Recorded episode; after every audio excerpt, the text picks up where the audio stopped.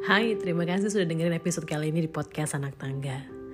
Saya agak bindeng, nggak tahu kedengeran apa enggak, tapi um, saya baru aja abis nangis sebelum saya take podcast ini. Nangis bukan karena kemudian saya ngerasa sangat sedih banget gitu, bukan, tapi kayak um, sesuatu hal tuh ngetuk hati saya dalam banget gitu.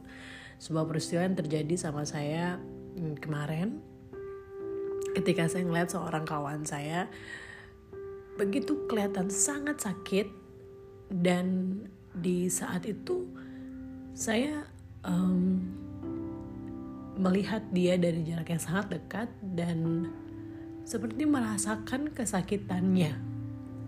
Saya seperti melihat diri saya beberapa tahun yang lalu.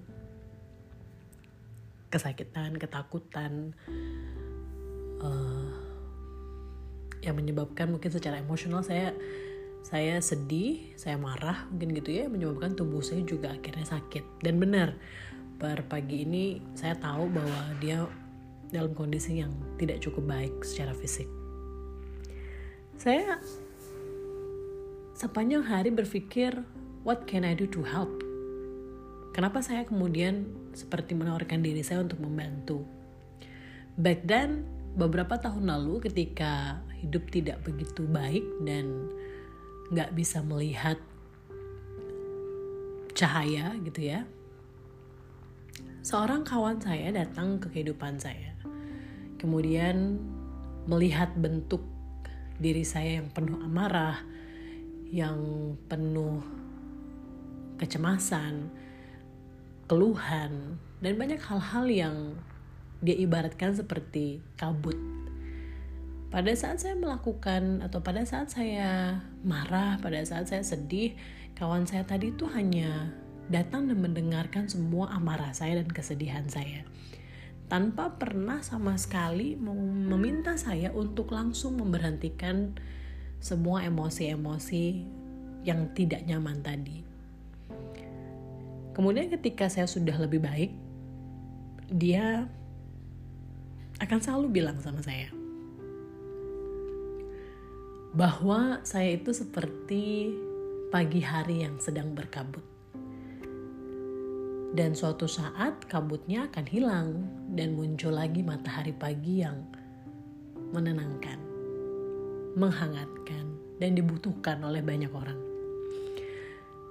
Uh, saya pengen sekali bilang sama kawan saya hal yang sama, bahwa saya melihat dia seperti pagi hari yang berkabut. Ataupun siapa pun yang mungkin sekarang mendengarkan podcast ini dan hari-harinya sedang dipenuhi emosi yang tidak nyaman tadi.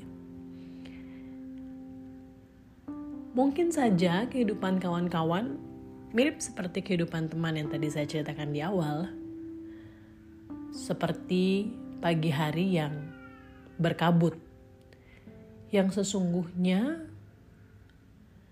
menunggu waktu untuk hilang kabutnya.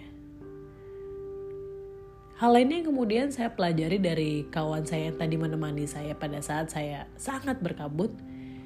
Hal kedua yang dia selalu ingatkan ke saya adalah saya tidak perlu untuk cepat-cepat menguburkan semua perasaan tidak nyaman saya yang saya mesti lakukan adalah memberi walau, memberi ruang walaupun kecil sekali di dalam hati saya untuk percaya bahwa saya masih punya harapan. Bahwa dunia memang kejam dan banyak hal-hal yang kemudian terjadi dan begitu menyakitkan. Tapi pasti selalu ada harapan.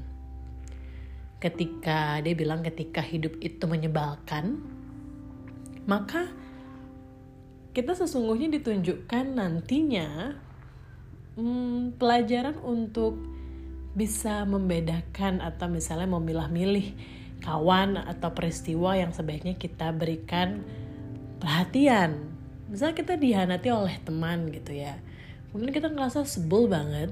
Dia bilang bahwa dari itu, dari kekesalanmu tadi, maka kamu akan belajar teman seperti apa yang baik dan yang kamu butuhkan. Dua pelajaran tadi yang diingatkan oleh teman saya ingin sekali saya sampaikan ke kawan saya dan juga teman-teman semuanya yang mungkin dalam posisi yang sama. Dunia memang kejam. Banyak hal yang bisa mengubah seseorang dari yang awalnya sangat baik, tulus, menjadi orang yang sangat takut dan bahkan menjadi orang yang sangat jahat. Tapi saya yakin dalam setiap diri-diri yang berubah tadi masih ada diri kita yang sebenarnya. Diri kita yang sesungguhnya sebenarnya lagi ketakutan untuk disakiti lagi. Seperti anak kecil yang takut dimarahi lagi atau takut jatuh lagi sehingga dia berlindung di balik jubah raksasa mungkin. Tapi kalau kita membiarkan diri kita kemudian sembuh, lakukanlah dengan mempercayai bahwa kita berharga dan masih ada harapan di dunia ini. Masih ada orang-orang yang kemudian akan selalu membersamaimu dengan tulus, mendukungmu dan juga mendoakanmu dan tidak menuntutmu macam-macam. Mereka mungkin